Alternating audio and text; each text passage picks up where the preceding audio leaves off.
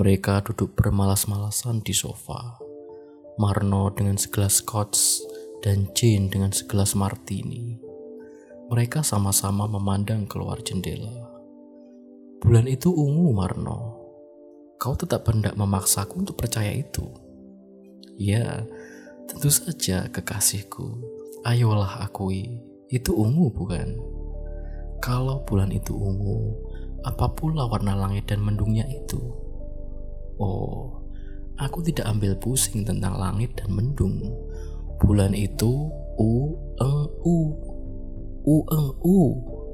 Ayolah bilang ungu. Kuning keemasan. Setan. Besok aku bawa kau ke dokter mata.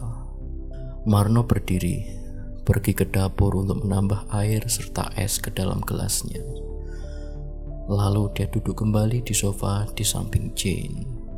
Kepalanya sudah terasa tidak enak. Marno sayang. Iya, Jane. Bagaimana Alaska sekarang? Alaska? Bagaimana aku tahu? Aku belum pernah ke sana. Maksudku, hawanya pada saat ini. Oh, aku kira tidak sedingin seperti biasanya. Bukankah di sana ada summer juga seperti di sini? Mungkin juga aku tidak pernah berapa kuat dalam ilmu bumi. Gambaranku tentang Alaska adalah satu padang yang amat L-U-A-S dengan salju, salju, dan salju. Lalu di sana sini rumah-rumah orang Eskimo bergunduk-gunduk seperti es krim vanili. Aku kira sebaiknya kau jadi penyair, Jane. Baru sekarang aku mendengar perumpamaan yang begitu puitis. Rumah Eskimo seperti es krim vanili. Tommy suamiku, bekas suamiku. Suamiku, kau tahu, uh, maukah kau menginginkan aku segelas uh, kau tidak pernah bisa bikin martini? Bukankah kau selalu bingung martini itu campur gin dan vermouth atau gin dengan bourbon? Oh, aku harus bikin sendiri lagi ini. Dengan susah payah, Jin berdiri dengan berhati-hati berjalan ke dapur Suara gelas dan botol beradu terdengar berdentang-dentang. Dari dapur, bekas suamiku kau tahu, Marno darling? Iya, ada apa dengan dia? Aku merasa dia ada di Alaska sekarang. Pelan-pelan Jin berjalan kembali ke sofa. Kali ini duduknya mepet Marno. Di Alaska, coba bayangkan, di Alaska tapi minggu yang lalu kau bilang dia ada di Texas atau Kansas atau mungkin di Arkansas. Aku bilang aku merasa Tommy berada di Alaska. Oh, mungkin juga dia tidak di mana-mana. Marno berdiri, berjalan menuju ke radio lalu memutar knopnya. Diputar-putarnya beberapa kali knop itu hingga mengeluarkan campuran suara-suara yang aneh potongan-potongan lagu yang tidak tentu serta suara orang yang tercekik-cekik. Kemudian dimatikannya radio itu dan dia duduk kembali ke sofa. Marno manisku. Ya Jane, bukankah di Alaska ya ada adat menyuguhkan istri kepada tamu? Ya, aku pernah mendengar orang Eskimo dahulu punya adat istiadat begitu. Tapi aku tidak tahu pasti apakah itu betul atau karangan guru antropologi saja. Aku harap itu betul. Sungguh, darling, aku serius. Aku harap itu betul. Kenapa? Sebab, sebab aku tidak mau Tommy kesepian dan kedinginan di Alaska. Aku tidak mau.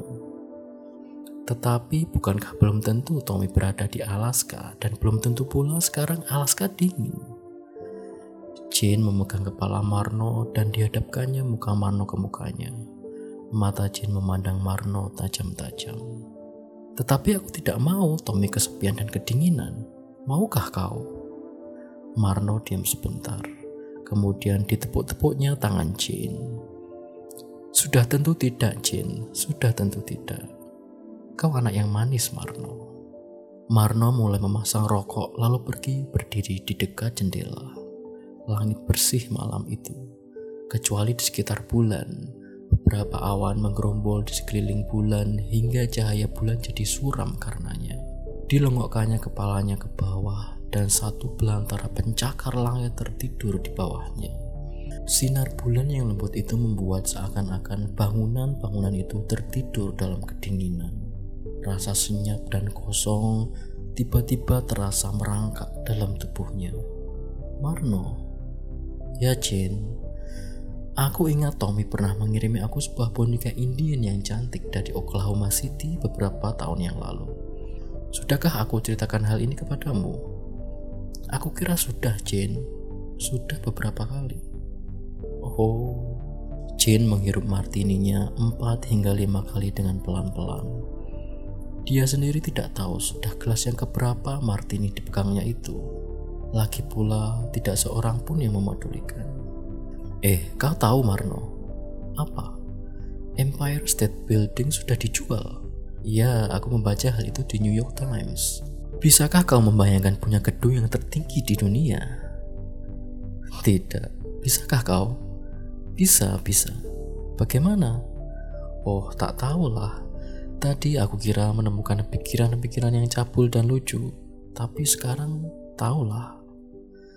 Lampu-lampu yang berkelipan di pelantara penyakit langit yang kelihatan dari jendela mengingatkan Marno pada ratusan kunang-kunang yang suka bertabur malam-malam di sawah mbahnya di desa. Oh, kalau saja, kalau saja apa kekasihku? Kalau saja ada suara jangkrik mengerik dan beberapa kata menyanyi dari luar sana. Lantas, tidak apa-apa, itu kan membuat aku lebih senang sedikit. Kau anak desa yang sentimental. Biar. Marno terkejut karena kata biar itu terdengar keras sekali keluarnya. Maaf Jin, aku kira Scott yang membuat itu. Tidak sayang, kau merasa tersinggung. Maaf. Marno mengangkat bahunya karena dia tidak tahu apa lagi yang mesti diperbuat dengan maaf yang berbalas maaf itu. Sebuah pesawat jet terdengar mendesau keras lewat di atas bangunan apartemen Jin. Jet keparat. Jin mengutuk sambil berjalan terhuyung ke dapur. Dari kamar itu Marno mendengar Jin keras-keras membuka keran air. Kemudian dilihatnya Jin kembali. Mukanya basah di tangannya segelas air es. Aku merasa segar sedikit. Jane merebahkan badannya di sofa. Matanya dipejamkan, tapi kakinya disepak-sepakannya ke atas. Lirih-lirih dia mulai menyanyi. Deep blue sea, baby. Deep blue sea. Deep blue sea, baby. Deep blue sea. Pernahkah kau punya keinginan lebih-lebih dalam musim panas begini untuk telanjang lalu membiarkan badanmu tenggelam dalam sekali di dasar laut yang teduh itu. Tetapi tidak mati dan kau bisa memandang badanmu yang tergeletak itu dari dalam sebuah sampan. Hah? Oh, maafkan aku kurang menangkap kalimat yang panjang itu. Bagaimana lagi, Jen? Oh, lupakan saja. Aku cuma ngomong saja. Deep blue sea, baby. Deep blue. Deep blue sea, baby, deep blue sea. Marno, ya, kita belum pernah jalan-jalan ke Central Park Zoo ya? Belum, tapi kita sudah sering jalan-jalan ke parknya. Dalam perkawinan kami yang satu tahun 8 bulan tambah 11 hari itu, Tommy pernah mengajakku sekali ke Central Park Zoo. Hah, Aku ingatkan berdebat di muka kandang kera. Tommy bilang simpanse adalah kera yang paling dekat dengan manusia. Aku bilang gorila. Tommy mengatakan bahwa sarjana-sarjana sudah membuat penyelidikan yang mendalam tentang hal itu. Tetapi aku tetap menyangkalnya karena gorila yang ada di muka kami mengingatkan aku pada penjaga lift kantor Tommy. Pernahkah aku ceritakan hal ini kepadamu? Oh, aku kira sudah, Jen. Sudah beberapa kali. Oh, Marno, semua ceritaku sudah kau dengar semua. Aku membosankan ya Marno. Membosankan. Marno tidak menjawab karena tiba-tiba saja dia merasa seakan-akan istrinya ada di dekat-dekat dia di Manhattan malam itu. Adakah penjelasannya bagaimana satu bayang-bayang yang terpisah beribu-ribu kilometer bisa muncul begitu pendek? Ayolah Marno, kalau kau jujur tentulah kau akan mengatakan bahwa aku sudah membosankan. Cerita yang itu-itu saja yang aku dengar tiap kita ketemu. Membosankan ya? Membosankan. Tapi tidak semua ceritamu pernah aku dengar. Memang beberapa ceritamu sudah beberapa kali aku dengar. Bukan beberapa sayang, sebagian besar. Baiklah, taruhlah sebagian terbesar sudah aku dengar. Aku membosankan jadinya. Marno diam, tidak mencoba meneruskan. Disedotnya rokoknya dalam-dalam, lalu dihembuskannya lagi asapnya lewat mulut dan hidungnya. Tapi Marno, bukankah aku harus bicara? Apalagi yang bisa kukerjakan kalau aku berhenti bicara? Aku kira Manhattan tinggal lagi kau dan aku yang punya. Apalah jadinya kalau salah seorang pemilik pulau ini jadi capek berbicara? Kalau dua orang terdampar di satu pulau, mereka akan terus berbicara sampai kapal tiba, bukan? Jane memejamkan matanya dengan dadanya lurus-lurus terlentang di sofa. Sebuah bantal terletak di dadanya.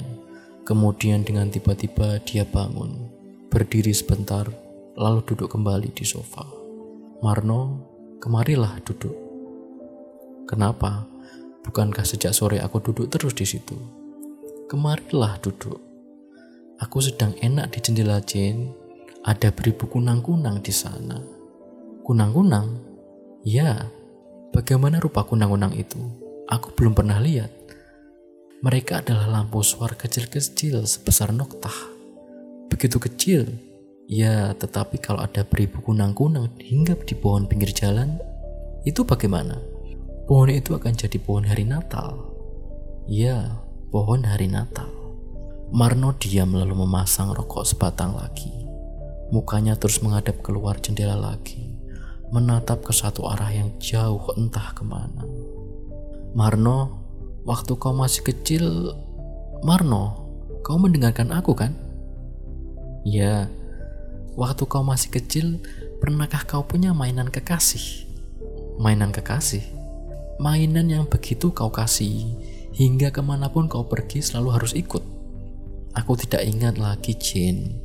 Aku ingat sesudah aku agak besar, Aku suka main-main dengan kerbau kakekku, si Cilamprang. Itu bukan mainan, itu piaraan. Piaraan bukankah untuk mainan juga? Tidak selalu.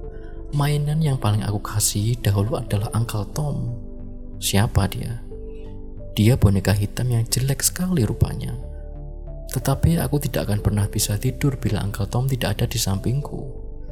Oh, itu hal yang normal saja aku kira. Anakku juga begitu. Punya anakku anjing-anjingan bernama Vivi. Tetapi aku baru berpisah dengan Uncle Tom sesudah aku ketemu Tommy di high school. Aku kira aku ingin Uncle Tom ada di dekat-dekatku lagi sekarang. Diraihnya bantal yang ada di sampingnya.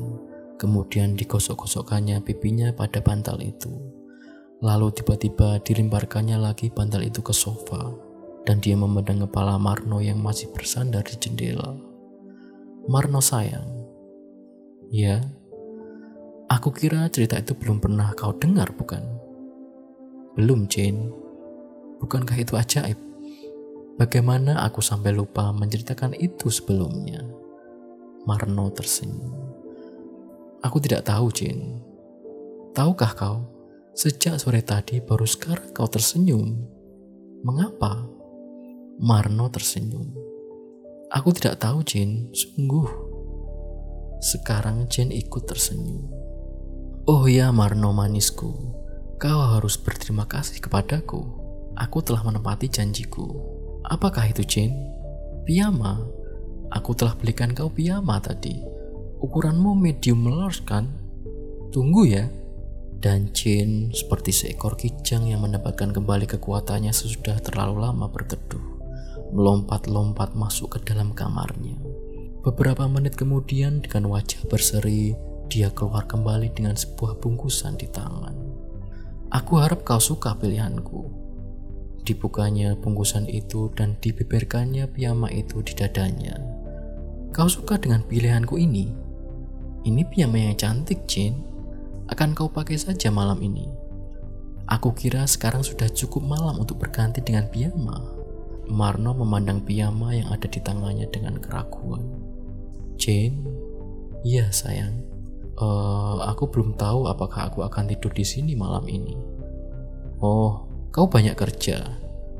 Uh, tidak seberapa sesungguhnya. Cuma tak tahulah. Kau merasa tidak enak badan. Aku baik-baik saja. Aku uh, tak tahulah, Jin. Aku harap aku mengerti, sayang. Aku tak akan bertanya lagi. Terima kasih, Jin. Terserahlah. Cuma aku kira aku tak akan membawanya pulang. Oh, pelan-pelan dibungkusnya kembali piyama itu, lalu dibawanya masuk ke dalam kamarnya. Pelan-pelan Jin keluar kembali dari kamarnya. Aku kira aku pergi saja sekarang, Jin. Kau akan menelepon aku hari-hari ini kan? Tentu, Jin. Kapan aku bisa mengharapkan itu? Uh, aku belum tahu lagi, Jin. Segera aku kira. Kau tahu nomorku kan? Eldorado. Ku tahu Jin. Kemudian pelan-pelan diciumnya dahi Jin. Seperti dahi itu terbuat dari porselin. Lalu menghilanglah Marno di balik pintu. Langkahnya terdengar sebentar dari dalam kamar turun tangga. Di kamarnya, di tempat tidur sesudah minum beberapa butir obat tidur, Jane merasa bantalnya basah. Seribu kunang-kunang di Manhattan, Umar Kayam.